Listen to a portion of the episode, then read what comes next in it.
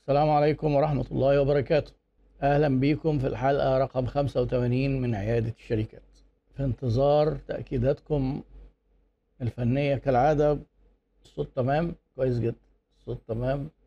طيب إحنا إن شاء الله في في الحلقة دي في برضه شوية أسئلة وفي بعض موضوعات وأحداث كانت آه، تداولوها تم تداولها يعني على الجروب وبتفرض نفسها إن إحنا ممكن ندردش فيها. الموضوع الأول هو أمازون.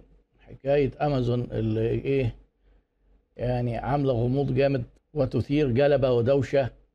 أمازون هتيجي هتودينا في داهية. أمازون هتدخل مش هنعرف نشتغل. ده بقت أمازون ده جت بنفسها. لا لا الموضوع مش كده خالص. لازم تبقوا فاهمين إن الموضوع ده يعني ده ترند بيقودوا ناس يعني بيبالغوا جدا. ومشكلة الترندات دي ساعات بيبقى فيها معلومات مضللة. اللي أنا عايز أقوله لكم طبعا وأنتوا أكيد عارفين الكلام ده إن امازون موجودة بالفعل. ما هي سوق dot com دي؟ تمتلكها امازون وشغالة من ساعة ما اشتروها تقريبا 2017 امازون شغالة من سنة 2017 إيه بقى الفرق؟ تعالى كده أما نبص إيه الفرق اللي حصل في الإمارات وإيه الفرق اللي حصل في السعودية. تقريبا ولا حاجة. كان الأول الناس بتدخل من على موقع سوق dot com بقوا بيدخلوا يكتبوا امازون مثلا dot sa أو dot ae زي ما يكتبوا امازون dot eg الناس فاكرة بقى إيه؟ إن لما امازون هتيجي مصر هيبقى كل المنتجات المتاحة على امازون هنقدر نطلبها هنا بأسعار امازون مثلا في أمريكا. لا طبعا فرق الأسعار ما بين امازون أمريكا ومصر مش فرق تسعير من امازون قد ما إن هو فرق في الجمارك ودي حاجة هتفضل موجودة وفرق في الشحن ودي حاجة هتفضل موجوده هي امازون مش هتدفع من جيبها يعني. يعني مثلا أنت لما بتشوف حاجة كده إيه بالذات في الإلكترونيكس والحاجات اللي زي دي تلاقي كمبيوتر مثلا إيه ب 1000 دولار. ممكن تلاقيه في مصر هنا يعني 25 30 ألف جنيه. هل هو هيتعرض على امازون Egypt ب 1000 دولار ب 16000 جنيه؟ لا. مش ممكن. لأن فيه آه، شحن. حتى الحاجات المعفية من الجمارك ما عليها 14% فات آه، في تكلفة. فمش هيحصل أي فرق. تقريبا مش هيحصل فرق. طيب أمازون دي وحش وبتدخل السوق وبتمسح المنافسين. طيب ما هي سوق dot com واخدة أكبر market share في في الشغل الأونلاين. يعني في بعض تقارير بتقول إن أمازون السنة اللي فاتت في 2020 لوحدها بقى لها بحوالي 2.5 مليار جنيه في مصر. أكبر واحدة وكان ال آه، كان في دراسة أنا قريتها بترتب الناس آه، اللي اشتغلوا على الموضوع ده. التقرير كان فيه حاجات غريبة شوية. يعني الله أعلم بدقته إيه. عاملة موقع اسمه e-commerce database أول واحد سوق dot com والمفاجأة إن تاني موقع بيبيع أونلاين موقع بتاع شركة بيتك. وتالت موقع LC Waikiki ورابع موقع العربي جروب و... وسادس موقع نون نون dot com. وبعدين 2B بتاع الكمبيوترات واللابتوب وكده. يعني كده كده سوق dot com هي ال market leader و market leader بفرق عن اللي بعديها بكتير جدا. يعني لو كان آه، مثلا حسب الأرقام اللي هم ناشرينها 2.5 مليار مبيعات سوق dot com اللي بعديهم على طول حوالي 300 مليون. ففرق كبير فهو الحقيقة آه، أنا مش شايف إن في أي شيء يستدعي القلق وبعدين ما هم أمازون آه، قوتهم والشركة multinational آه، وعندها operations هي سبب إنها اشترت سوق ليه؟ انها شركة كبيرة وكانت آه، شغالة بشكل قريب شوية من أمازون لأن هي سوق dot com كانت يعني إيه بتحاكي أو بتقلد آه، طريقة أمازون في الشغل. فيعني ما فيش داعي لهذا القلق الشديد عن إن إيه ده إحنا هنقفل و... لا مش للدرجة دي. امازون هتنافسك جدا لو أنت بتبيع اونلاين بخدمة ما بعد البيع. خدمة ما بعد البيع ورضا العملاء عندهم على مستوى العالم عالي جدا وده أتمنى إن هو ممكن يتحسن شوية لو امازون جت مع إن هم حسنوا جدا الموضوع دلوقتي هم بي يعني ده من احتكاك شخصي بيهم يعني إن هم بي آه، بيحلوا أي مشكلة مع العميل وبيرضوه بأي شكل. ودي ده نظام امازون يعني على مستوى العالم. ممكن طبعا التاتش المصري وال- والعربي واللي في سوق دوت كام كده يكون متأخرين شوية. بس آه، يعني أعتقد ده ممكن بيتحسن كده كده سواء هتدخل من التطبيق بتاع آه، امازون الفروقات مش هتبقى كبيرة. تمام؟ آه، في طبعا هو سوق دوت كام جزء كبير منه هو وامازون إن هو بلاتفورم بيلتقي عليه اللي بيبيعوا واللي بيشتروا. آه، امازون وكل اللي بيبيعوا اونلاين هو آه، في عندهم معضلة. لما تكون انت عندك منصة المنصة دي بيبيع عليها ناس مفيش مشكلة. لما يكون عندك موقع e-commerce انت اللي بتبيع عليها مفيش مشكلة. بيبدأ يبقى في مشكلة وتعارض مصلحة إمتى؟ لما يكون انت عندك ناس بياعين وانت نفسك بتبيع. بيبدأ يحصل ما يشبه منافسة للبياعين. بيشوفوا إيه أكتر حاجات بتتباع ويبدأوا هم يبيعوها بنفسهم. وخصوصا هم ليهم قوة ضغط وبيقدروا يشتروا كميات ولما يروحوا لأي توكيل هيقدروا إيه ياخدوا ب- بأسعار كويسة. يعني برضو على سبيل المثال عشان تبقوا عارفين الفرق مش هيفرق كتير. لما امازون بتبيع مثلا موبايلات سامسونج ولا ابل هنا في مصر ما هي مش هتجيبها من بره. لازم هتتعامل مع الوكيل المحلي عشان هي بتدي ضمان محلي. فمش هيفرق برضه. يعني ما تتخيلش كده إن هي بقى إيه هتجيب لك بقى الحاجات اللي هي رخيصة خالص والكلام ده. لا وهتبقى ملتزمة بتسعير الوكلاء المحليين في حاجات زي الإلكترونيات. آيفون وآبل بتزود شوية في الأسعار في مصر عن بره. غير شوية سامسونج. سامسونج بتحاول تدي أسعار قريبة.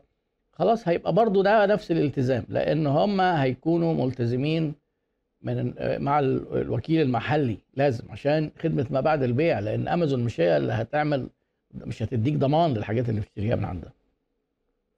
فيعني الموضوع مش عايزكم تبقوا واخدينه بكل هذا الايه الدوشة والجلبة اللي أثرها وإن أمازون هتقعدنا في البيوت ومش هنشتغل لأ. امازون ع- حاليا سوق عليه ملايين المنتجات. امازون هتستمر. هيبقى في فرصة للناس المتخصصين. يعني آه، واحدة مثلا بتبيع ملابس بتبيع مفروشات آه، بتبيع إكسسوارات حريمي. حد بيبيع آه، آه، إكسسوارات آه، موبايل مثلا. أي حاجة. ال- المتخصص ده هيبقى عنده ميزة إنه فاهم عملائه أكتر ومركز معاهم أكتر. لو قدر يحقق آه، سمعة ورضا عملاء كويس هياخد نصيب. مش هيبقى محتاج يبيع ب 2.5 مليار. بس هيبيع على قد التشكيل اللي عنده بشكل كويس وسوقه هيبدأ ينمو وإيه ويكبر. ده كده يعني يمكن إيه أهم موضوع كان مثار الأسبوع ده. وكان في ناس كتير قوي عاملين بوستات أنا ما علقتش عليها لأن أنا حسيت إن يعني تعليقي ممكن ما يبقاش كافي إن أنا ممكن أفضل نتكلم في ال live آه، هناخد شوية أسئلة من الناس اللي إيه اللي كانوا باعتين أسئلة على النموذج بتاع اللي إحنا بنحطه عشان الناس يحطوا عليه أسئلة. ميسر عصام من السودان. السؤال في دوران المخزون أنجح مخزون هو أقل مخزون من دون رواكد أو نواقص. صح ده أنا قلته كتير قبل كده ومش أنا اللي مؤلف الكلام ده ده دي قاعدة مستقرة عليه. هل الفكرة الأساسية تقليل التنوع ولا تقليل الكميات؟ آه طبعا ده سؤال جميل جدا وفرق كبير جدا بين تقليل التنوع وتقليل الكميات. نكمل السؤال لأن في مرات بتحصل تخلق تتخلص من مخزون راكد مفيش عليه طلب تبدأ الناس تسأل عليه ولما ما تلاقيش تروح للمنافسين. حلو جدا حلو جدا. عايزين بقى هنا نحط شوية نقط نقط نظام. اولا التنوع ملوش علاقة خالص بإنك أنت آه، بانك انت تاخد قرار جاي من تحليلك لدوران المخزون. لا التنوع ده دي بتبقى استراتيجية الشركة عايزة تنافس بأصناف كتير ولا عايزة تركز في أصناف قليلة؟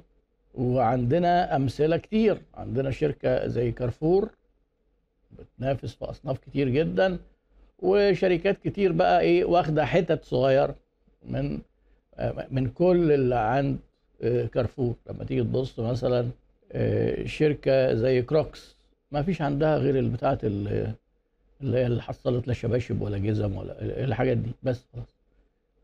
آه، دي استراتيجية تخصص ودي إيه بتدي تنوع. ده ملوش علاقة بدوران المخزون. أنا عايزك بقى في كل صنف قررت تشتغل فيه والقرار ده جاء قرار استراتيجي بناء على إمكانياتك وتحليل الموقف والسوق والمنافسة وحاجات كتير. ملوش علاقة بدوران المخزون. لكن لو انت اشتغلت في الصنف ما ينفعش تقول أنا شغال فيه والناس تسأل عليه ما يبقاش عندك. هنا بقى هيجي الرواكد والنواقص. رواكد يعني مخزون أكتر من اللازم. نواقص يعني أقل من اللازم. فلما انت تيجي حضرتك تقولي إيه؟ آه آه إن أنا تخلصت من مخزون كان فيه رواكد فجت الناس تسأل عليه. طيب ما هو لما تتخلصي منه والمخزون يبقى صفر ما انت كده تحول إلى نواقص. ما إحنا مش عايزين إيه ناخد واحدة وننسى الثانية لما تيجي تقولي أنا هتخلص من الرواكد والناس بتسأل عليه حتى لو معدل سحب بسيط.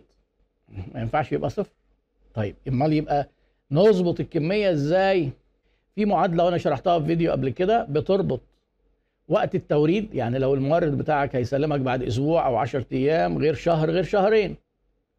ومعدل البيع لو انت بتبيع في اليوم قطعتين والمورد هنفترض هنفترض كده انه هيجي لك بعد شهرين. يعني انت لما يبقى عندك 120 قطعة لازم تبقى عامل حسابك إن دول هياخدوا هتبيعهم خلال الشهرين طبعا كمتوسطات وبناء عليه ال 120 دول كمية مش كافية. ده أنت لازم لما يوصل تعمل حسابك في إيه حاجة اسمها reserve stock أو مخزون أمان.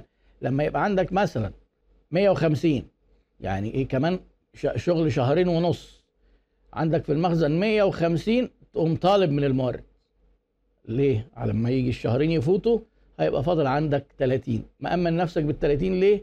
لأن معدلات الطلب ما هيش حاجات معدلات رياضية لا ده بتزيد خصوصا لو أنت شركة جديدة ونشاطك بيزيد وبتعمل براندنج والطلب عليك بيزيد تبقى مصحصح جدا. ما تجيش تقول لي ده متوسط الطلب قطعتين فعملتها فحصل ناقص لا ما أنت تعرف إن المتوسطات دي بتتغير وتراجعها كل شوية. ممكن الاثنين دول يبقوا ثلاثة يبقوا أربعة يبقوا خمسة تقعد تغير بقى في المعادلة وتشوف هتطلب كام إمتى. فهو فعلا أهم حاجة برضو تبقى إيه عارف القاعدة بتاعت إن أفضل مخزون هو أقل مخزون مش عكس عكس ما بعض الناس متخيلة إن هو يقوم جايب كمية بضاعة رهيبة جدا عشان يبقى مستعد. لا ده غلط والأسباب كتير. بدون نواقص عشان الناس ما تسألش على حاجة ما تلاقيهاش وبدون رواكد عشان ما تبقاش موقف فلوس في لا شيء. آه في سؤال تاني من أحمد محمد علي من مصر. عايز ادخل مجال التصدير وعايز ابقى حاجة مش عارف اعمل حاجة حاسس اني تايه في حياتي بسبب بسبب تعليم فاشل. قول لي يا دكتور حاجة تفيدني. لا بص أنا اللي عايز أقوله لك عشان يفيدك أهم بقى حاجة أنا مش هقول لك تعمل إيه في التصدير. أنا أنصحك نصيحة أب كده ما تلومش الظروف. مفيش حاجة اسمها تعليم فاشل. مش أنت عرفت إن هو فاشل؟ طيب خلاص كويس. فاشل ليه؟ آه ما بيديناش الحاجات اللي السوق عايزها. كويس خدها أنت لوحدك. طالعين ما بنعرفش انجليزي وأنا عايز اصدر والانجليزي ده مهم. اتعلم انجليزي خد كورسات. يعني القاء اللوم على الظروف ده محبط وهيخليك ما تعملش اي حاجة. تقول ما أنا اعمل إيه؟ ما أنا خلاص ما أنا حظي كده. هي الدنيا كده. حظي معاك يا دنيا كده. ما اتعلمت تعليم فاشل. نقعد بقى في البيت؟ لا طبعا. لا. كل الناجحين اتعلموا نفس التعليم. ما حدش فيهم قال لك ده تعليم فاشل اقعد بقى في البيت. فهي دي النصيحة. وبعد كده بقى هتيجي بقى تدخل تصدر تصنع تستورد تشتغل في خدمات تشتغل في أي حاجة تفهمها كويس وتدرسها كويس وتعرف آه تفاصيلها وتبدأ تجرب كده وتشوف الأمور ماشية إزاي. يعني التصدير طبعا سوقك هيبقى بره. محتاج تعرف بقى إيه الدول اللي بتستورد من مصر وبيستوردوا إيه والحاجة دي تجيبها منين وتجيبها بمواصفات شكلها إيه علشان الأسواق اللي بره. بيهتموا جدا بالمواصفات والجودة أغلبهم طبعا غير السوق المصري بيبلع أي حاجة ما حدش بي يعني بيدق يعني. واللي بيصدروا طبعا عارفين الكلام ده وعارفين إن في شهادات وفي اختبارات و... وفي حاجات بتترفض وحاجات كده يعني. عشان ما تدخلش في مخاطرات. فأرجوك بلاش تقول أصل التعليم فاشل بلاش تقول أصل أنا ده أهلي ما ما, ما اهتموش بيا. ما لا تلقي اللوم على حد غير نفسك. انت المسؤول عن نجاحك وعن فشلك ببساطة يعني. محمد خالد من مصر هل الأفضل إن نبدأ مشروعي بره مصر؟ أه وحاطط شوية دول كده اقتراحات يعني. مش هي دي اللي هتفرق معانا. ولا أبدأ في مصر؟ وللعلم أنا بتعلم إدارة أعمال ولسه هدرس السوق في مصر أو الدولة اللي هروحها وهبدأ من الصفر. ومجالي تجارة الإلكترونيات أونلاين. السؤال ده جميل جدا لأنه هيفتح كلام عن حاجة برضو أنا كنت حريص نتكلم عنها بسبب الدوشة اللي عملتها شركة سويفل وإن سويفل آه، نقلت من مصر وراحت الإمارات. يبقى سوق مصر ده إيه نظامه؟ ده سوق بقى فاشل والإمارات سوق ناجح. الموضوع مش بالبساطة دي ودايما التبسيط بيبقى مخل ودايما الناس أصحاب التبسيط دول آه، اللي بيسموها ال binary bias إن هو إيه يعني إيه الحاجة. آه، مصر يا حلوة يا وحشة. الإمارات يا حلوة يا وحشة. لا مفيش حاجة اسمها كده. اللي هو طريقة التفكير إن هو إن الحاجة يا أبيض يا أسود لا.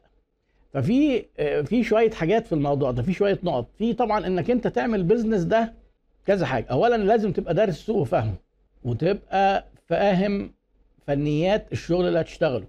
وتبقى عارف وملم بقواعد الإدارة. بصرف النظر هتشتغل فين لأن هي قواعد الإدارة واحدة في كل حتة في العالم. إحنا كل اللي بنقوله هنا ده دي قواعد إدارة مطلعينها الخواجات.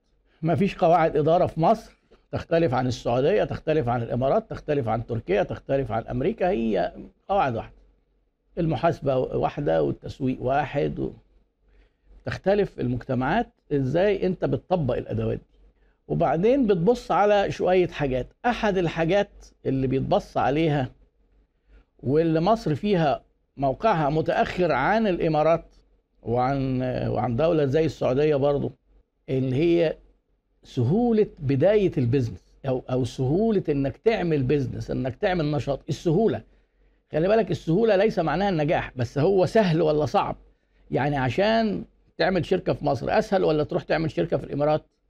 هي دي حاجة دي حاجة. السهولة حاجة خلي بالك والنجاح حاجة. خلينا الأول إيه نشوف مؤشر السهولة ده لأن أنا نشرت post وفي ناس بيسيئوا دايما وبيحاولوا كده يقعدوا يعملوا تصنيفات بقى سياسية و... و... والناس دول إيه أنتوا معانا ولا مع الناس التانيين؟ أول ما يجي في البوست آه، سيرة أي دول أو سيرة مصر أو الاقتصاد أو كده. طبعا ده كلام ينطوي على تضليل كبير جدا. مش معنى ان إحنا بنقول ان مصر متأخرة يعني ان إحنا مثلا إيه آه، بنشمت في مصر ده بالعكس وإحنا عايشين فيها وإحنا عايشين في مركب واحدة وأنا بكلمكم منها ومش بخطط ان أنا اسيبها يعني عش- عشان اصل الشغل سهل في الامارات لا اطلاقا مع ان بيجي لي كمية عروض يعني لل... للسفر أنا مش من محبي السفر فيعني إيه خلينا نبص الأمور بشكل موضوعي. ونحاول حتى نكتسب مهارة إزاي نقيم ونحلل مفيش حاجة اسمها إيه أو آه، ده وحشة ده كويس الناس اللي عاملين وده مؤشر من المؤشرات الاقتصادية اللي بيقارنوا بينها بين الدول وبعضها لما قالوا مصر ترتيبها 114 وقالوا آه الإمارات ترتيبها على نفس المؤشر 16 بقى عملوا الكلام ده منين؟ إيه الترمومتر اللي قاسوا بيه وإيه المازورة اللي قاسوا بيها؟ دي برضو دي مهمة ومحتاج إن إحنا نبص عليها مع بعض عشان نفهم القصة دي شوية. هم تحديدا بصوا على 10 حاجات. أول حاجة سهولة بداية البيزنس بداية النشاط. بصوا فيه على إيه؟ كام إجراء بتعمله؟ تعمل مع كام جهة عشان تعمل شركة جديدة؟ الوقت اللي بيحتاجه الموضوع ده كام يوم؟ عشان تعمل شركة جديدة. في بعض ال- الدول زي مثلا آه، آه، نيوزيلندا أعتقد إيه أنت نص يوم عشان تعمل شركة. وإجراء واحد أو يعني إجراءات قليلة يعني المهم. وبعدين تكلفة تكلفة إنك تعمل شركة دي مهمة جدا. والحد الأدنى لرأس المال. خليني أقول لكم مثلا ملحوظة رغم إن مصر متأخرة في الترتيب.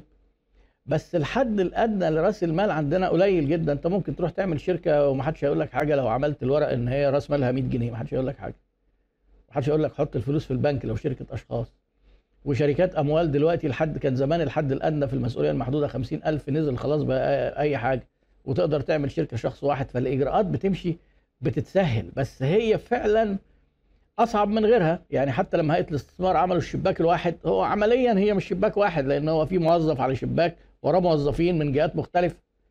آه، السجل التجاري وبتاع الضريبية وما أعرفش والشهر العقاري. يعني المهم يعني برضو فيها آه، بيروقراطية وتعقيد. دي أول حاجة بيبصوا عليها. بيبصوا تراخيص المباني. افرض انت شركة وجاي مثلا عايز تعمل استثمار عقاري عايز تبني مقر تبني مقر لشركتك. بيشوفوا قد إيه سهو- سهولة الحصول على ترخيص المباني. طبعا إحنا برضو من الدول اللي ممكن الكلام ده بيطول عندنا شويتين. وتكلف وبيبصوا هنا على كذا حاجة. بتاخد كام يوم وتكلفتها قد إيه وكم إجراء وبعدين اشتراطات ال- الجودة في المباني والحاجات اللي زي دي. بيبصوا على سهولة الحصول على المرافق زي الكهرباء مثلا. هل بسهولة إنك تدخل كهرباء؟ تدخل تليفون تدخل إنترنت. إحنا عندنا مشكلة تحديدا في الكهرباء شوية إنها يعني ممكن تاخد وقت. طبعا ده بقى أحسن وأسهل بس إحنا بنقول ليه ممكن ال ال يعني إيه تحليل ان إحنا ممكن يبقى آه، متراجعين شوية؟ غير رخصة المباني تسجيل المباني. لما تيجي عايز انت تمتلك أجنبي وعايز تمتلك في الدولة دي عشان تسجل المبنى باسمك آه، كام إجراء عشان التسجيل المباني؟ بياخد وقت قد إيه؟ تكلفة التسجيل. آه، آه، برضو دي مهمة وإحنا دي عندنا زي ما قلنا برضو متأخرة شوية. سهولة الحصول على ائتمانات في البنوك. هل سهل إنك أنت تروح البنك يمولك لو أنت راجل آه، مثلا مستثمر أجنبي؟ أعتقد هي صعبة في في معظم دول العالم أو يعني حتى الإمارات ممكن ما يبقاش سهل قوي إن هم إنك تحصل على تمويل. آه، حماية الأقليات في الاستثمار. يعني هل في آه، نوع من التفرقة العنصرية إن مثلا السود ما أعرفش إيه الديانة معينة ما يستثمروش وكده ده كده إيه حاجة من الحاجات اللي بيقارنوا بينها. إحنا مثلا ما فيش عندنا آه، ما فيش عندنا أي إيه تفرقة عنصرية في حكاية إن أي حد يبدأ شركة. آه بيبصوا بقى كمان على الضرائب نسبة الضرائب عندنا قد إيه؟ إحنا مش من دول العالم اللي بتدفع الناس بيدفعوا فيها ضرائب كتير بس في أقل مننا. وبتدفع الضرائب مثلا كم مرة في السنة وبت... وإجراءاتها إيه؟ آه من ضمن النقط كمان اللي بيبصوا عليها آه إنك أنت سهولة التجارة الدولية سهولة الاستيراد والتصدير. لو هتستثمر في بلد بره قد إيه سهل إنك تصدر من البلد دي وإنك أنت تستورد. إحنا عندنا شوية الإجراءات والبيروقراطية والقرارات كتير قوي بتطلع وبتتغير وفيها آه، ممكن شوية عندنا ال- الاستيراد والتصدير في صعوبات في بعض دول بيعمل التخليص بيحصل اونلاين وكل حاجة اونلاين ما فيش فيها المشاكل والتعقيدات. بيبصوا على الحتة دي برضه. وتكلفة الاستيراد وتكلفة التصدير. من ضمن الحاجات وجود بيئة قانونية بتاع بيسموها enforcing contract إن العقود بي- بيبقى فيه قضاء ناجز يجبر الأطراف على الالتزام بهذه العقود. هتلاقي عندنا دي شوية إن القضاء بيتأخر. آه عشان كده معظم الشركات الدولية لما بييجوا يعملوا عقود بي إيه بيحطوا التحكيم بدل القضاء في حالة وجود خلاف يتم اللجوء إلى مركز التحكيم الفلاني وممكن يبقى بره مصر. وده طبعا شيء قانوني جدا وفي الحالة دي بيبقى آه، قرار التحكيم قرار ملزم لجميع الأطراف.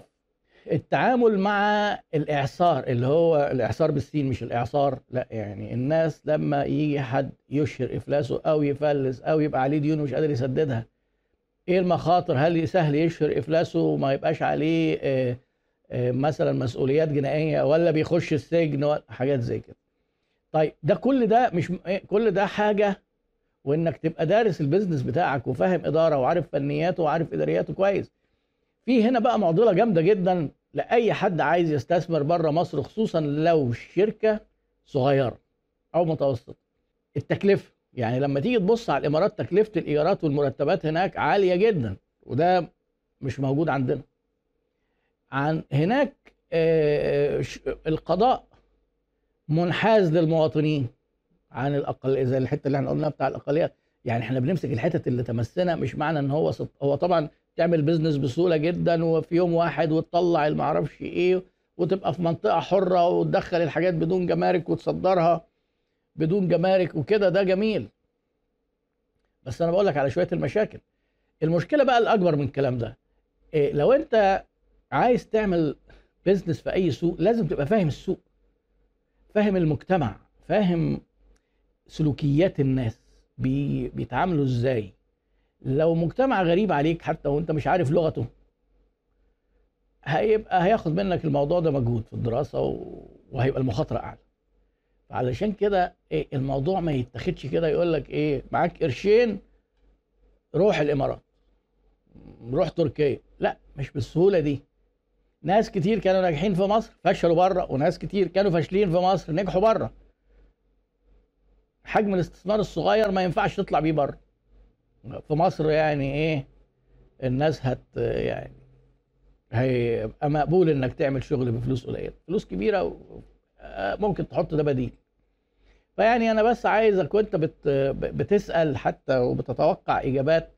مفيش حاجة إيه برشامة كده في الحياة لأي حاجة. آه الدولة دي كلها بسوقها كويس. لا دي كده كلها على بعضها وحشة. مفيش حاجة اسمها كده. مصر أو غيرها. ولما انت تيجي تقول لي ده مصر فيها مشكلة ما ينفعش أنا أجي أقول لك أنت بتكره بقى البلد بقى ولا إيه؟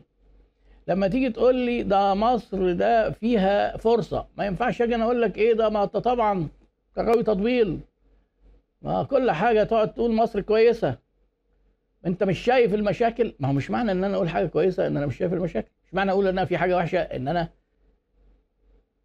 مش شايف الحاجات الكويسة؟ يعني إحنا كمان بقينا مش طايقين بعض كده وكل واحد فينا فاكر إن هو إيه يمتلك ناصية الحقيقة والباقيين كلهم متخلفين عقليا ونشتمهم عادي يعني. فبيطلع في الآخر واخد block على الأقل عيادة الشركات هي اللي إحنا مسيطرين عليها. بنحاول إلى حد ما إن الأمور تمشي بشكل يعني موضوعي بس طبعا مش كل ال social media كده. نقطة مهمة جدا مش موجودة في المؤشر ده. في حاجة اسمها cost of living تكلفة المعيشة. يعني غير إن إحنا قلنا إيجارات الشركات عالية والمرتبات عالية. أنت هتروح أنت تعيش هناك أنت مثلا وأسرتك. يا ترى تكلفة المعيشة هتشتري أكل بكام؟ هتسكن بكام؟ هتدفع كام كهرباء؟ وهتدفع كام غاز؟ وهتدفع كام إنترنت؟ هتدفع كام بنزين؟ آه تكلفة المعيشة من الحاجات اللي أنت لازم تقارن آه على أساسها برضه. محمد بيقول ليه يا دكتور كل الشركات الحكومية بترفع تكلفة الخدمات على الشريحة التجارية؟ مياه وكهرباء. آه بتتكلم على شركات المياه والكهرباء. ما هي ما بترفعش على ال على ال على البيزنس بس. إحنا من البلاد اللي موجود فيها إيه تعريفة كهرباء تعريفة في الكهرباء ودي من ضمن الحاجات اللي بيتكلموا عليها في الكهرباء. إيه إنها تبقى تعريفة شفافة وموحدة ومدعومة إلى حد ما. هي إحنا عندنا في التعريفة بقت معقدة شوية وعندنا أسعار الطاقة زادت بشكل جامد خلال الكام سنة الأخرانيين. على المنازل وعلى الشركات طبعا الشركات أكتر ليه؟ لأن هم بيدخلوا في شرايح عالية جدا لأن الشركات خصوصا اللي بتعتمد على الكهرباء في التصنيع بيبقى التكلفة عندها عالية. يعني هم بالعكس هم المفروض بيشجعوا التصنيع هم مش متعمدين يعني. وبدأوا يتعمل في بعض إيه حاجات كده إيه مميزة لبعض الصناعات علشان يسندوها. فدي دي نقطة. طيب يبقى إيه إحنا آه إحنا نقدر نقول آه محمد السيد بيقول أنا موجود في الإمارات يا دكتور وفعلا كلامك مظبوط. آه كويس. ال cost of living عالية. تكلفة المعيشة في الإمارات عالية. يعني أنت مثلا لو معاك أسرة وتقدر تعيش هنا مثلا قول ب 10000 جنيه في الشهر. آه حولهم زي درهم مثلا هناك يعني ممكن يبقى أربع أو خمس أضعاف. رغم إن تيجي تقول لي إيه ده ممكن هناك ده البنزين أرخص ده العربيات أرخص. ما هو العربيات والبنزين مش كل حاجة. السكن لوحده شوف قد إيه فرق. فرق كبير جدا بالذات في دبي مثلا. دبي بيضرب بيها بيضرب بيها المثل في تكلفة المعيشة. غير الشارقه غير أبو ظبي غير الكلام ده. وبرضه عاليين يعني هم برضه دي تكلفة عالية نسبيا عن مصر. فما تجيش أنت تيجي تقول خلاص ما دام سويفل راحت يبقى إحنا نروح. وسويفل دي كمان قصة معقدة هو مين وجنسياتهم كانت إيه وبدأوا في مصر وكان مخطط يروحوا ولا جت كده ولا يعني الموضوع ما هوش زي ما أنتم متخيلين كده. يلا بينا. وهو طبعا بيتم استغلال القصص دي سياسيا. وهناك الحكومة اتكلمت عن الموضوع ده وكأنها يعني إيه جنه العرب والأرض اللي هي يعني الأحلام. الموضوع مش للدرجة دي. هم عندهم هم قدروا يعملوا تجربة بصراحة استثنائية. دبي استثنائية بدون أي موارد أو موقع أو طقس أو أو بترول أو أي حاجة. بقوا مركز تجارة عالمية في تجارة الترانزيت. عملت دخل جامد جدا للدولة. وبقى دلوقتي الشركات الكبيرة جدا كلها بتدير أعمالها من دبي على الأقل أعمال المنطقة اللي ممكن الشرق الأوسط شمال أفريقيا آسيا ممكن أفريقيا كلها. يعني دبي. هتلاقي دايما الإدارة هنا آه، وفي مدير في دبي هو اللي بي بيحرك الناس. آه، وده نجاح نجاح لدبي جامد جدا. برضو تجربة يا ريت الناس يسترشدوا بيها يا ريت اللي بياخدوا قرار يسترشدوا بيها لأن الموضوع هو إدارة بس اللي اتعمل. هو حسن إدارة وحسن استفادة بالفرص. بقى عندهم شركات regional multinational طالعة من دبي أكتر بكتير قوي من اللي طالعة من عندنا. مواني دبي شركة اتصالات شركة إعمار. يعني في شركات قوية جدا طالعة من هناك بتستثمر استثمارات مش بس إيه جوه دبي. لا خلاص في دول كتيرة في العالم. آه أشوف معلومة جديدة دي عليا. محمد السيد بيقول لك أبو ظبي حاليا تسمح لك تعمل رخصة ب 1000 درهم. كويس. أو بيسهلوا عشان يجيبوا الاستثمار. أحب أقول ملحوظة برضه. الاستثمار الخارجي مهم إن الناس يجوا يستثمروا مهم. والاستثمار المحلي مهم. الاستثمار الخارجي لما الناس بييجوا يجيبوا فلوس بيشغلوا إيه؟ بيقللوا البطالة. تشغيل للشباب وكده. بس طبعا لازم يكون الشباب دول عندهم مهارات. بيدفعوا ضرائب. وده دخل للدولة. بيدخلوا تكنولوجيا معاهم. بيعملوا إيه؟ توطين ونقل للتكنولوجيا. في شوية ميزات كتير. بس من ضمن العيوب إن باستمرار بيخرجوا أرباح فباستمرار بيعملوا ضغط على العملة المحلية لأنهم بيطلبوا دولار فباستمرار ممكن يأثروا على حاجة اسمها ميزان المدفوعات إن الدولارات اللي بتخرج كتير لأن هو بيدخل دولارات شوية في الأول يستثمر وبعد كده بيقعد بقى يخرج دولارات أرباحه شهريا أو سنويا. فعلشان آه، الاستثمار الأجنبي نبص له على إنه إيه إن الناس آه، لو خرجت من مصر استثمرت بره فدول كده ظالمين. وظلموا أنفسهم. بالعكس أمريكا تقدمها الاقتصادي من كل دولار أمريكا بتنتجه. جوه أمريكا في 3 دولار أمريكا بتبيعهم وبتنتجهم بره أمريكا. ما هو في حاجة في الاقتصاد اسمها GNP gross national product الناتج القومي الإجمالي اللي هو إيه أصحاب الجنسية بتاعت البلد يعني المصري اللي يعمل business في دبي. ده بيتحسب في ال GNP بتاع مصر لأنه المفروض بيحول أرباحه مصر بيحول ممكن يشتري أملاك في مصر وإحنا في مصر كده إيه عندنا ثقافة إن إحنا بنحب كده إيه الملك. فالفلوس اللي بتدخل دي بتتحسب لمصر يعني يعني برضو مش عايزين نيجي نقول إيه اللي يخرج بره ده كده إيه خاين. رايح فين يا خاين؟ واخد الفلوس وسايبنا خاين ليه؟ لا طبعا. مع ان يعني الإعلام في ساعات بيرتكب هذه الأخطاء. بس شعارات الإعلام زي ما بقول لكم كده اللي هو ال binary bias اللي هو ده كده إيه بيستثمر بره يبقى كويس ولا وحش؟ يبقى وحش. لا طبعا مش وحش ولا حاجة.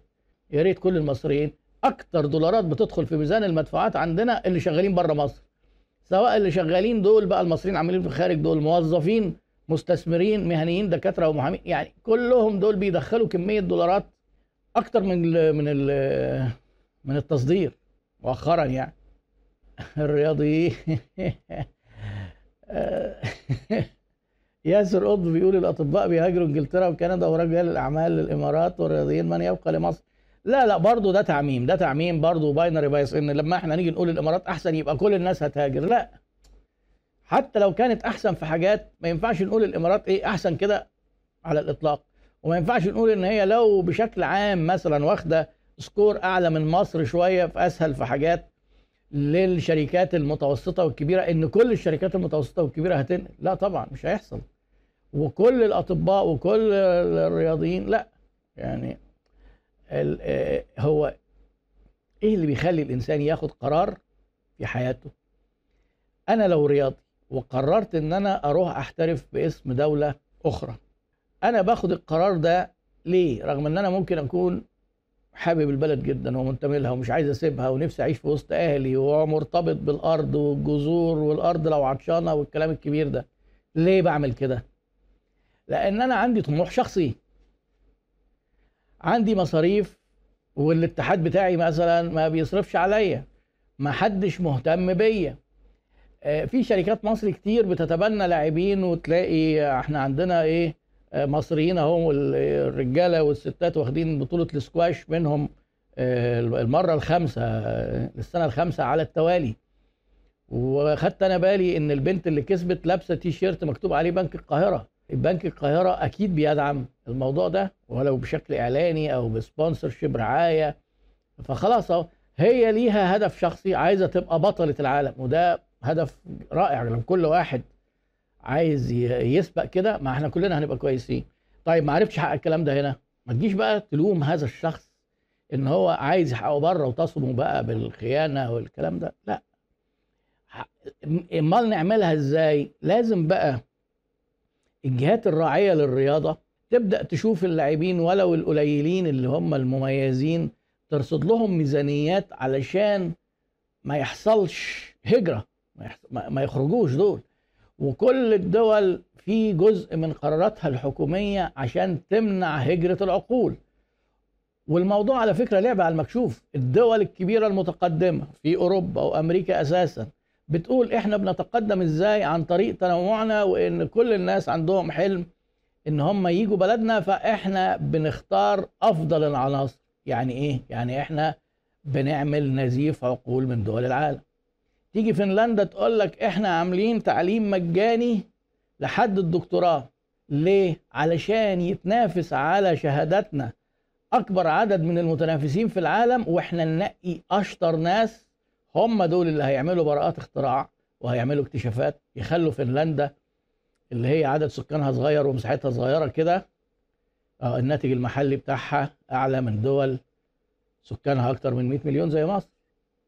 فيعني دي دي كده استراتيجيات علشان الدولة عايزة تتقدم الدول في سباق مع بعضها. والدولة كدولة ملهاش قيمة من غير المواطنين. ما هي إيه؟ مصر هي المصريين فنلندا هي الفنلنديين. يعني ما ينفعش إحنا نيجي نقول إيه مصر تتقدم كده بس أصل المصريين مش هيتقدموا هي مصر اللي هتتقدم. لا طبعا. فيبقى إحنا إيه في الحالة دي في دول بقى بدأت تعمل بدأت تعمل آه سياسات واستراتيجيات في الاتجاه المعاكس. بعد ما كانت الدول دي ضعيفة والمثال هنا الصين بدأوا يبقوا أقوياء فبدأوا يكلموا الصينيين اللي خرجوا بره وعملوا إنجازات علمية وإنجازات في مجالاتهم إن هم يرجعوا وهيدوهم نفس الفلوس أو أكتر. حاجة اسمها دياسبورا كده إن إحنا إيه بدل الدرين النزيف لأ نجيب الناس دول. نجيب العلماء زي ما مصر كده قال لك إيه نجيب زويل. آه نشوف مين. وزويل لما جه جاب ناس أقوياء جدا في مجالاتهم علشان يجوا يقوموا هنا إيه البحث العلمي ويعملوا جامعات ويعملوا حاجات زي دي. ده, تفك... ده ده دور الحكومة. دور الحكومة علشان لما يجي فرد ياخد قرار هياخده لمصلحته هيلاقي له مصلحة هنا. خلاص. لكن ما نجيش إحنا نقول إيه سيبك من كل حاجة واقعد انت في مصر. انت عايز تبقى بطل العالم؟ لا خليك هنا. طب ما أنا مش هبقى اي حاجة مش مهم بس كده في الحضن معانا ما ينفعش الكلام ده. يعني إيه كلام خدنا وبنطلع من موضوع لموضوع. جد جد. قرار برضه جديد عليا محمد السيد. جميل اهو متابع من الإمارات بيقول خدت قرار الإمارات من يومين استهدفت بيه فئة الأطباء. قالت الحصول على إقامة ذهبية لمدة 10 سنين هيجذب كل أطباء العالم. أنا شخصيا عارف أطباء مصريين سافروا أمريكا في شبابهم وحصلوا على الجنسية المص... الأمريكية وطبعا وصلوا لمستوى في الطب متقدم جدا وبعدين راحوا اشتغلوا في الإمارات. المصري اللي حاصل على الجنسية الأمريكية واللي واخد تدريبه في أمريكا بيحاسب بمرتب ودخل مختلف جدا عن المصري اللي خارج من مصر. ممكن تبان إن فيها تفرقة عنصرية. لا أنا عندي تفسير تاني. نوعية التدريب و... والمهارات بتبقى أعلى بكتير فالمرتب بالتالي بيبقى أعلى. لو أنتوا عايزين تتكلموا عن التفرقه العنصرية هو في تفرقه عنصرية برضه. لما يبقى إيه أمريكاني أمريكاني وأمريكاني مصري الاثنين جايين مع بعض. ممكن اللي هو أبو عينين خضراء وشعر أصفر ده ياخد أكتر من ضعف المرتب بتاع الأمريكاني المصري. دي بقى إيه عقدة الخواجة. دي عقدة الخواجة. عصام بس مش آه، عصام شيلسي شيلسي. آه. ده عصام شيلسي تقريبا من ليبيا. السلام عليكم. إيه رأيك في البيع على أمازون؟ اف بي اي اف بي اي دي هي اختصار fulfilled by Amazon اللي هي سوق عملتها هنا في مصر FBS أنا بفكر آه، فيه بس المعلومة اللي عندي إنه مش سهل واختيار المنتج الرابح صعب. إيه رأيك؟ طيب هو إيه ال FBA ده؟ fulfilled by Amazon يعني إيه؟ يعني انت هتبيع حاجات على منصة أمازون بس آه، بدل ما الحاجة لما تتباع يبعتوا لك فأنت تشحن فأنت بتقوم المنتجات بتاعتك تشحنها لمخازن أمازون بيتولوا هم الشحن من عندهم من مخازنهم للعملاء مباشرة. وده بيخلي ليهم سيطرة أكتر على الوقت وعلى الجودة والتكلفة وممكن يعملوا آه، شحن مجاني أحيانا لأنه في مخازنهم. زي ما أنت تيجي تشتري برضه من سوق تلاقي ال application يقول لك إيه شوف الحاجات اللي هي fulfilled by سوق. آه، ممكن يشحنوها مجانا لأنه نقط التخزين عندهم تحت سيطرتهم. ده بيزنس موديل ممكن ناس كتير بتكسب منه فلوس كتير جدا. صعوبته إنك بتنافس في امازون بتنافس آه، مئات الآلاف من البائعين. فإيه المنتج بالجودة اللي تنافس الناس دول لازم تكون أنت فاهم كويس جدا عشان تعرف تجيب منتج تنافس بيه. لأن برضه في مفهوم خاطئ جدا إن واحد يقول لك إيه أنا عايز أبيع على النت. ما أنت هتبيع إيه على النت؟ اللي هتعرف تبيعه بره النت هو ده اللي هتعرف تبيعه على النت. أصل النت يعني آه، مش اللي, اللي بيشتروا عليه دول مش ناس ساذجين يعني. اللي بيشتروا عليها ما هم نفس الزباين اللي عارفين البضاعة اللي بره وعارفين الأسعار وعارفين الجودة. وإلا هتفقد سمعتك. وإلا هتلاقي نفسك مش هتبيع أو هتبيع والناس هتتضايق. آه، فهي دي النقطة. بس هي دي الصعوبة. لو قدرت كان عندك خبرة وقدرت أنت تدخل آه، تبيع على أمازون بالاف بي اي وفي ناس بيديروا الكلام ده بالكامل من دولة زي مصر أو ممكن أنت من عندك من ليبيا إن هو بت إيه بتطلع المنتج وتشتريه من الصين وتحول للناس الفلوس هم يبعتوه وتدي لهم العنوان بتاع مخازن أمازون يبعتوه على أمازون مباشرة. وفي شركات وسيطة في أمريكا إن هي تخزنه عندها آه، ويبقى وقتها إيه حاجة مش بقى FBA لكن المهم المنتج في أمريكا. لكن ال FBA إنك بتبعته على مخازن أمازون وأمازون لما تبيع بتحول لك الفلوس. فيعني ممكن الكلام ده تديره تماما من غير ما البضاعة تعدي آه، عليك ولا تمسكها بإيدك. ولكن يحتاج إنك تبقى فاهم في مجال معين وبعدين تبقى عندك إمكانية التواصل مع الشركات اللي بره عشان تعرف تجيب منتج آه، ينافس.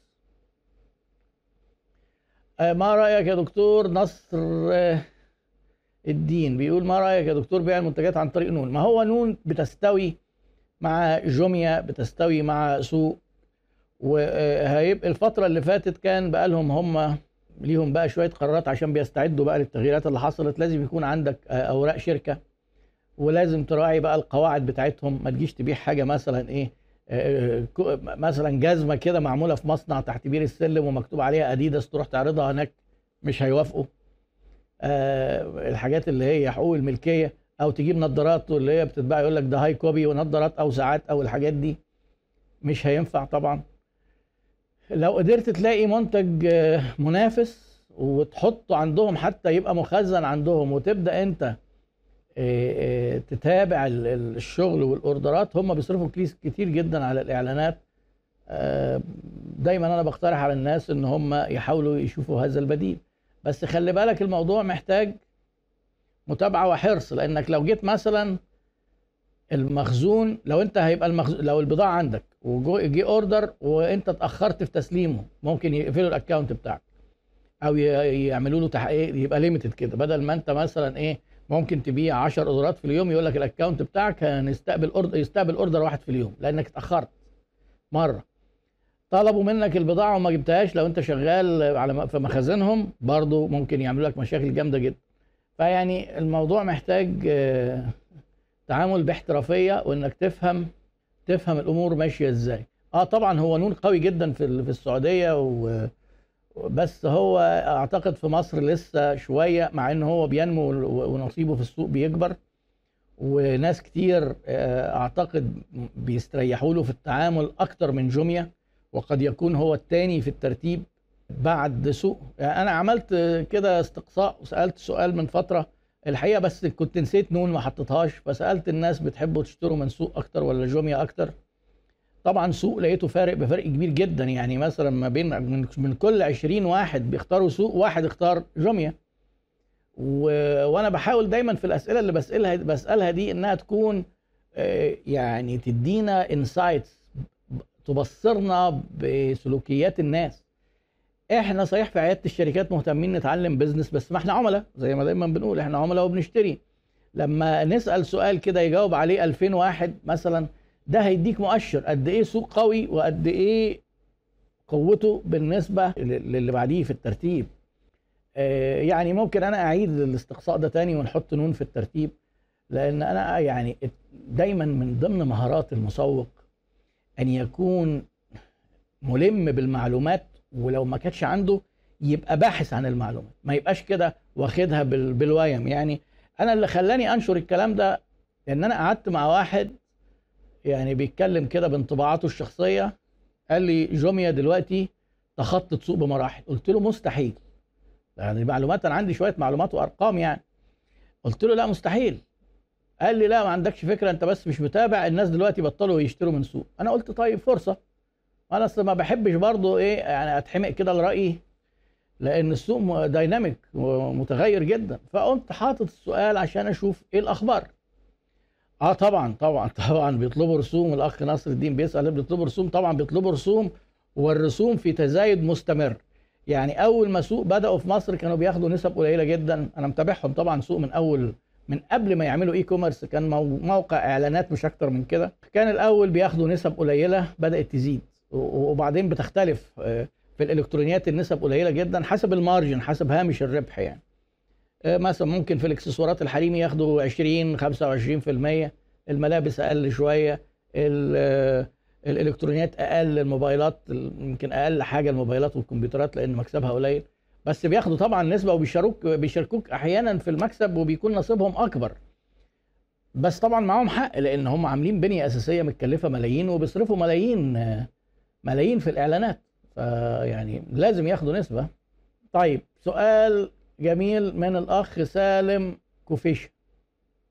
معلش اعذرني لو قريت الاسم غلط يعني. آه، هل ما زال يوجد إمكانية لتأسيس موقع له نفس البيزنس موديل بتاع سوق وأمازون ويعمل بنفس الطريقة في الدول التي لم تدخلها أمازون بعد؟ طبعا في سواء في الدول اللي دخلتها أو ما دخلتهاش. بس أنا عايزك تبقى عارف حاجة الموضوع ده مكلف جدا. في ناس متخيلة إن هو application وطبعا في بعض شباب بيطلعوا بقى إيه YouTubers وبتاع وحاجات زي كده يقول لك اعمل موقع وعلى WordPress و commerce ومجانا وتجارة إلكترونية. لا لا لا. ده كلام محتاج يكون أنت عندك آه، منتجات قليلة جدا وبتستهدف ناس قليلة و... لكن لما يبدأ أنت عايز تغطي حاجة بيزنس موديل وعايز تغطي دولة مثلا جغرافيا زي ما سوق عاملة الموضوع مكلف جدا. اولا أنت محتاج كذا مركز توزيع. محتاج لو هتوزع لو هت يعني توصل بنفسك. محتاج إنك تتعامل مع ناس كتير جدا موردين لو عايز تغطي كل التنوع ده. هتصرف فلوس إعلانات ضخمة جدا. وأحد الشباب كان بياخد رايي قريب في حد ضلله من بتوع التسويق الإلكتروني عمل له حسبة كده إن هو لو صرف إعلانات تقريبا 30 ألف في الشهر هيبيع بمليون جنيه. تضليل. رهيب.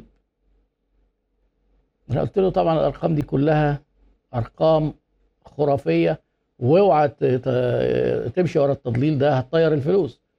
غير إن في فلوس كتير جدا لطقم بقى IT و programmers وهيقعدوا يعملوا الكلام ده غير إن في خدمة عملاء. يعني أنت ما تجيش تقول لي ده سوق ده؟ ده application. application لا ده في كمية تروس شغالة ورا المكنة بتاعت سوق دي عشان تطلب الحاجة تجي لك تاني يوم.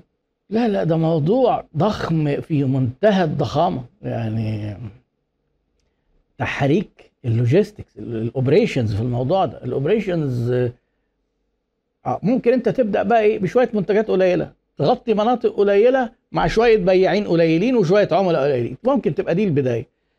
آه ممكن. عايز تبدأ بقى وتدخل بقوة اعمل دراسة متأنية للدول اللي هتخش فيها علشان ممكن تخسر مبالغ كبيرة. لأنك أنت عشان تدخل بقوة وتعمل بقى إيه تاخد مراكز توزيع وتشتري عربيات وتعين مندوبين وتعمل الكلام ده ممكن بسهولة جدا لو الشغل ما مشيش آه، تلاقي نفسك آه، خسرت مبالغ كبيرة. وأنا أفضل في الحاجات دي زي ما سوق كبرت وزي ما أمازون كبرت الصورة الشهيرة المتداولة لجيف بيزوس وهو قاعد في أوضة واحدة كاتب عليها أمازون كده حتى بتاع قماش كده مش يافطة يعني. وكان بيبيع كتب بس في التوقيت اللي كان فيه وحوش وبعدين كان يعني بدأ كان هو ده كان هيخرج من السوق وهيفلس خالص مع الفقاعة بتاعت ال dot com دي اللي اللي حصلت في, في أواخر التسعينات 99 حاجة زي كده. فيعني آه، بدأ صغير. مفيش حاجة اسمها إيه ابدأ كبير تبدا تفضل كبير. ما أنا الكلام ده قلته كتير جدا. قولوا لي مين اللي بدأ كبير؟ سوق ما هو بدأ صغير. سوق ده عشان تعرفوا الشاب السوري اللي عامله اللي هو عايش في الإمارات وبدأ لما عمل فتحوا الموقع في مصر. كان الموقع ده عبارة عن إيه؟ إعلانات. أنت راجل عندك محل مثلا بتبيع تكييفات. يروحوا لك بتوع سوق يقولوا لك إيه رأيك نحطك عندنا على الموقع ونقول إن أنت عندك تكييفات كذا كذا وتدفع لنا في الشهر 200 جنيه. بس الموقع يعني حاجة. وبعدين إيه؟ بدأ نجرب طب نبيع في حاجات. بدأوا. الأول كانوا بيبيعوا حاجتهم بنفسهم. وبعدين قاموا مدخلين معاهم عملوها منصة إن الناس تبيع. وبعد شوية عملوا بقى افيليت إن ناس تبيع اللي هو إيه يبعتوا بلينكات كده الناس تشتري من عندهم. بس لحين اللي بقى وصل بقى إن هو شركة زي أمازون تشتريهم. طبعا في صفقة آه، كبيرة يعني ما أعلنش عن الرقم قوي بس التقديرات بتقول إن هو الرقم في حدود 500 آه، إلى 600 مليون دولار. في سؤال سأله الأخ محمد عمرو من مصر المهارات المطلوبة لتطوير شغلك وتساعد شغلك. هو المهارات ما هيش اسطمبة واحدة. طبعا كل البشر محتاجين شوية مهارات أساسية. مهارات التواصل مهارات الإقناع يعني والتفاوض. يعني بصرف النظر شغلانتك إيه. لكن أنت مثلا هتبقى بياع يبقى مهارات البيع. مهمة جدا دي ليها مهارات كده مجموعة من المهارات المتكاملة مع بعضها. انت سي راجل هتبقى تسويق مهارات التحليل والبحث عن المعلومات زي ما قلنا كده والابداع التفكير الإبداعي ومجموعة مهارات للمسوق غير البياع خالص. راجل مالي عندك مهارات آه، التفكير التحليلي آه، مهارات التحليل دي لوحدها دي مهارات. آه، حسب الوظيفة. لو هتيجي تقول لي إيه سواق خلاص يبقى بيسوق كويس. واحد هيشتغل آه، شغل في في المعمار يبقى عضلات بقى ويشيل ويحط وبتاع. يعني يعني أنا عارف إن أنت أكيد ما بتسألش عن الموضوع ده لكن دايما نشوف الشغلانة هي إيه محتاجة مهارات إيه. في شغلانات دلوقتي الأساسيات اللغة برضه لازم نحطها. الكمبيوتر لازم خصوصا الإكسل والوورد و... وإنك تتعامل مع الإنترنت. وتبحث عن المعلومات والكلام ده. فهو يعني المهارات ما هيش ثابتة ولكن المهارات المهارة دي اللي شيء اللي هو بيكتسب بالممارسة بتختلف من وظيفة إلى وظيفة. فلو أنت كنت عرفتني شوية الوظيفة كنت هقول لك أنت هتلاقيك إيه شوف كده الشغلانة بتاعتك آه، هتعرف إيه المهارات بتاعتها. ال affiliate marketing ده شيء يعني زي أي حاجة. الفكرة نفسها ممتازة. إنك تعتمد على شبكة أنت تبقى راجل صاحب منتج تعتمد على شبكة من الموزعين والناس اللي موجودين على النت مجرد إن هم بي بيسوقوا لك الحاجات وأنت بتتولى التسليم والتحصيل والكلام ده. ممتاز جدا. بس هل ال- الشبكة دي فيها جدية؟ في ناس بقى دلوقتي إيه؟ فاتحين شركات affiliate marketing ياخدوا المنتجات من الشركات وعندهم هم الشبكة. هل بقى الشركة دي ملتزمة بالجودة ملتزمة بالكلام ووعودها للمسوقين. هل بتديهم العمولات وبتدفع لهم في الوقت المناسب ولا هي يعني زي أي حاجة؟ ناس محترمين ولا نصابين لكن هي الفكرة في حد ذاتها لا غبار عليها. ناس كتير جدا شغالين فيها وبيحققوا منها دخل ومصانع كتير جدا معتمدة عليها آه، وبيحققوا منها مبيعات. يعني للطرفين وين وين ما هي مش ممكن فكرة هتنجح وهي وين لوز يعني طرف كويس ومبسوط وطرف متضايق. لا ف آه لا دي إجراءات مش سهلة خالص. لو أنت في مصر الأخ محمد السيد بيقول سؤال مهم كيفية الانتقال من شركة فردية لشركة مساهمة. هي دي من الحاجات اللي صعبة جدا اجرائيا في مصر وبيبقى في الحالة دي غالبا هتلاقي المحاسب القانوني اللي فاهم. وأنا أنصحك ترجع لمحاسب قانوني برضه في الموضوع ده. هينصحك إنك تقفل الشركة الفردية وتفتح شركة مساهمة. وهيبقى الشركة المساهمة دي في منها نوع إنك أنت بتبيع أسهم كده لأي حد مساهمة مفتوحة وفي مغلقة وفي مساهمة آه، بقى إيه التداول في البورصة ودي موضوع معقد جدا من الحاجات المعقدة يعني جدا. فأنت آه، يعني هو التمويل التمويل إنك أنت آه، تقول أنا هعمل شركة مساهمة وهنزل البورصة هبيع أسهم فالناس هتشتريها فأنا كده هحل مشكلة التمويل. الموضوع ده في الأسواق الناضجة والمتقدمة ممكن وغالبا ما بتبقاش شركة داخلة من الشارع كده إنها تبقى مساهمة. بتبدأ شركة صغيرة وتحقق نجاح وبعدين آه، تبدأ تطرح نفسها في البورصة ويعملوا حاجة اسمها IPO آه، اللي هو initial public offering يعني شركة زي سويفل دي لسه ما نزلتش البورصة ما طرحتش في البورصة. فيعني ما ناخدش الموضوع بتاع إن البورصة ده إن هو إيه موضوع سهل خصوصا في الأسواق اللي زي حالتنا يعني. آه الأخ أشرف أشرف عوض. بيقول هل لو عمي لو حد عمل موقع منافس لسوق وجوميا وتخصص في سلعة معينة ليه خبرة فيها وعمل فيها ميزة تنافسية يعتبر كلام معقول أو انتحار؟ لا لا لا كلام معقول جدا. بس تخصصك ده معناه إن أنت عندك خبرة فيها. ناس كتير جدا حجم التجارة الإلكترونية أحب أقول لكم معلومة في حدود 40 إلى 50 مليار. يعني ده رقم من الذاكرة برضو وممكن ما يبقاش دقيق قوي. في السنة. يعني كون إن سوق دوت كام بتبيع ب 2.5 3 يعني برضو في سوق ضخم جدا. السوق بقى الضخم ده عبارة عن إيه؟ سوق مفتت. سوق مفتت. يعني زي أي حاجة زي ما بتيجي إيه؟ قاعدة 20 80 هنيجي نقول إيه؟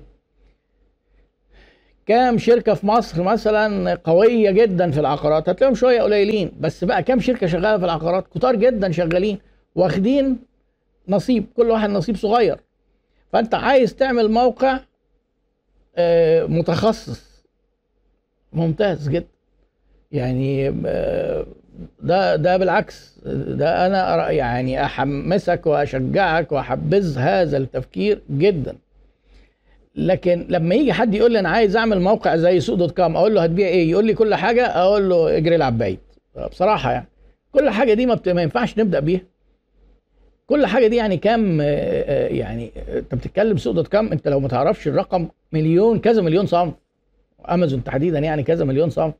لكن لما تيجي تقول لي إيه أنا يعني مثلا قطع غيار سيارات ماشي. أنا هتخصص في آه، إكسسوارات الموبايل أوكي. الشنط الحريمي ماشي حاجات كده. آه كويس جدا.